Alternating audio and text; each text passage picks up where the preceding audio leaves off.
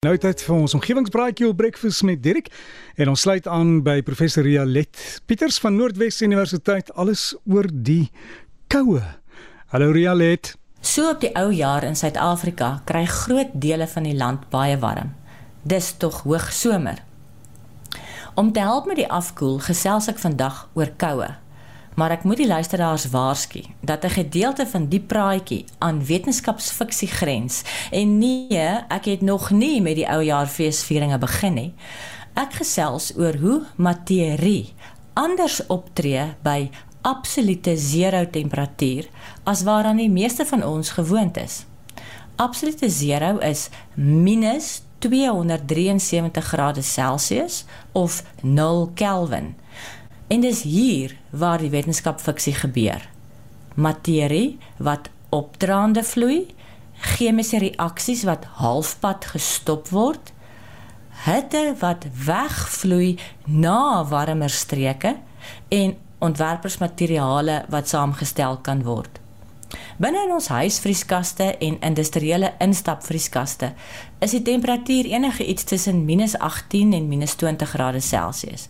In die Antarktiese winter is die temperatuur -60 grade Celsius en skynbaar is die temperatuur in die ruimte -270 grade Celsius, 3 grade warmer as absolute zero. Maar ek is seker dat die luisteraars net so verbaas as ek sal wees om te verneem dat die koudste temperature van amper minus 273 grade Celsius in laboratoria op aarde te vind is waar navorsers hard werk aan die ontwerp van kwantumvrieskaste. Kom ek begin by die begin. Reeds in 450 voor Christus het die Griekse filosoof Parmenides frigidum primum uitgedink as die hipotetiese vaste stof wat so koud as moontlik is en wat koue aan ander voorwerpe kan afstaan. Toe in 1664 het die Iersgebore chemiker Robert Boyle na 'n indringende studie om so 'n stof te vind of te maak, verklaar dat dit nie 'n lewensvatbare idee is nie. Hy en sy tydgenote het geglo dat konsepte soos warmte en koue afsonderlike entiteite is en wat tot stand kom deur chemie of deur lewende organismes. Vandag weet ons darm dat hitte en koue relatiewe eienskappe van 'n stof is en eintlik bepaal word deur hoe vinnig of stadig die atome of die molekuule waaruit 'n voorwerp bestaan beweeg. Wanneer die atome of die deeltjies vinnig vibreer, is die item warmer as wanneer die deeltjies stadiger vibreer. In 1848 het Lord Kelvin, die Skots-Ierse fisikus wat eintlik William Thomson geheet het, die idee van absolute zero, bekend gestel. Dit sou die temperatuur wees waarby atome van 'n voorwerp glad nie meer beweeg nie en nie eens meer bewe nie. Kelvin het deur ekstrapolasie van eksperimentele werk bereken dat hierdie temperatuur -273 grade Celsius sou wees of nou terwyl 0 Kelvin. Deur die dekades het Kelvin en ander wetenskaplikes die teorie wat vandag bekend staan as termodinamika ontwikkel. Hierdie teorie beskryf die verwantskap tussen hitte, arbeid en die grootheid entropie Entropie is die maatstaf van wanorde. Wanneer atome chaoties rondrits, het dit hoë entropie, maar wanneer hulle netjies op hulle plek vibreer, het hulle lae entropie. So het ons dan ook geleer dat hitte altyd van warm na die koue voorwerp vloei en nie andersom nie. As ek 'n koue koeldrank uit die yskas haal en buite laat staan, kan ek maar weet dat die koeldrank na rukkie dieselfde temperatuur as die omgewing sal hê. En om iets af te koel na laer as omgewingstemperatuur benodig energie. Ons yskaste en vrieskaste gebruik energie om dinge af te koel. En hier by die NWE in ons gebou het ons 'n paar minus 80 grade Celsius vrieskaste waarin ons verskeie organiese goed bewaar. Maar daar's 'n relatief eenvoudige manier om selfs nog laer temperature te behaal. Sit heliumgas onder druk en laat dit ontsnap deur 'n klein gaatjie om vloeibare helium te vorm en jy behaal ter temperature van so laag as -269 grade Celsius. Dis nou net so 4 grade warmer as absolute zero. In die laat 1980s het drie fisici onafhanklik van mekaar dit reg gekry om nog nader aan absolute zero te kom. Hulle was die Fransman Claude Cohen-Tanucci en Stephen Chu en William Phillips. Hulle was beide Amerikaners. In beginsel het hulle begin deur gasatome van cesium en rubidium wat in 'n vakuum beweeg, herhaaldelik met laser te skiet vanuit die teenoorgestelde rigting as waarin die atoom beweeg. Dit bring die atoom dan tot stilstand of amper tot stilstand. En omdat ons nou weet dat hitte en tempo waarteen atome vibreer gelyk is aan mekaar, weet ons dat daardie atome in die vakuum nou baie koud was. Die rekord tot op daardie stadium was 40 mikrokelvin. Dis 4/10 van 'n miljoenste van 'n graad bokant absolute zero. Hierdie here het in 1997 die Nobelprys vir fisika gewen. In die vroeë 1990s het Wolfgang Ketterle aan die Massachusetts Instituut vir Tegnologie afsonderlik van twee kollegas Erik Cornell en Karel Wieman aan die Universiteit van Colorado Boulder dit reg gekry om atome nog verder te verstadig en dus af te koel.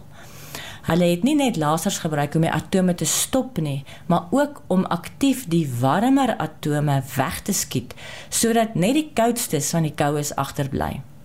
Hulle kon dit regkry om rubidium en natrium atome se temperatuur tot nanokelvin te laat daal en hulle het die Nobelprys vir fisika in 2001 ontvang. En nou stap ons oor die drempel en betree die wêreld van kwantumfisika. En dis hier waar my eie verstaan van die geskape werklikheid ook agterbly. Want wat ek nou vertel, klink vir my soos wetenskapsfiksie. In die wêreld van kwantumfisika kan deeltjies gelyktydig op twee verskillende plekke bestaan of tot so 'n mate met mekaar verstrengel wees dat hulle mekaar oënskynlik oombliklik kan beïnvloed selfs oor groot afstande. Maar hierdie kwantumgedrag van deeltjies kan net waargeneem word wanneer die deeltjies nie deur uitwendige faktore beïnvloed word nie en dit behels dan ook dat hulle nie deur naburige atome se vibrasies versteur mag word nie. En omdat dit nou moontlik is om alle hitte te verwyder, sodat atome heeltemal kan stil wees, kan die kwantumwêreld nou ontdek word. So het Ketterle en medewerkers eers in 1995 'n nuwe toestand waarin materie kan bestaan ontdek. Die bestaan van hierdie toestand, kwantummaterie, is glo reeds 70 jaar van tevore deur Einstein voorspel. Kwantummaterie is honderde duisende ultrakoue atome bekend as die Bose-Einstein kondensaat. Hierdie atome het hulle individuele identiteit verloor en klots rond as 'n vreemdsoortige vloeistof wat soms opdraande kan vloei. Deesdae word nie net atome so ultrakoud gemaak nie, maar ook molekules en dit maak nou nuwe wêrelde oop. Een so wêreld is die studie van supergeleiers. Dis nou om 'n materiaal te maak wat elektrisiteit gelei, maar wat geen weerstand het nie. In die verlede sou wetenskaplikes met 'n metaal begin wat reeds elektrisiteit relatief goed gelei en dan sou hulle die atomiese struktuur van die metaal probeer bestudeer om te probeer vasstel waarom dit so goeie geleier van elektrisiteit is. Maar dis glo 'n ingewikkelde besigheid.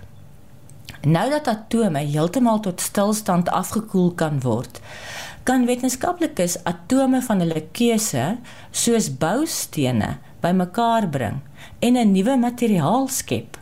So kan hulle verskeie hipoteses toets om vas te stel hoe die interne samestelling van materiale hulle geleidingsvermoë beïnvloed. En in 2019 het navorsers aan Harvard Universiteit kalium en rubidium atome tot 500 nanokelvin afgekoel en hulle geforseer om chemies met mekaar te reageer en toe lasers gebruik om hulle halfpad deur hulle reaksie te laat stol. Hulle kon toe vir die eerste keer in mense jeugenis die bestaan van 'n intermediêre molekuule waarneem wat nooit sigbaar is by kamertemperatuur nie. Erik Lutz en kollegas aan die Universiteit van Stuttgart in Duitsland het 'n kwantumvrieskas gebou. En nee, moenie dink dis iets wat soos ons vrieskaste lyk nie. Hulle ontwerp het van kwantumbits of qubits in 'n kwantumrekenaar gebruik. Die qubits was kwantum gekorreleer wat beteken dat hulle inligting op 'n spesiale manier kan deel. Onder hierdie omstandighede het die navorsers dit reg gekry dat 'n warmer gedeelte hitte opneem van 'n kouer streek. Maar al was die verskil tussen die twee streke maar 'n tiende van 'n biljoenste van 'n graad, is dit nietemin 'n merkwaardige gebeurtenis wat alle reëls van termodinamika oortree. Soos ek aan die begin gewaarsku het, pure wetenskapsfiksie. En op hierdie cool noot wens ek vir jou Derek en almal wat my nou kan hoor 'n wonderlike 2023 toe. 'n Jaar vol liefde en omgee vir mekaar en die omgewing. Rialet, baie dankie en al die beste vir 'n nuwe en 'n goeie jaar vir jou ook en dankie vir daai koue nuus.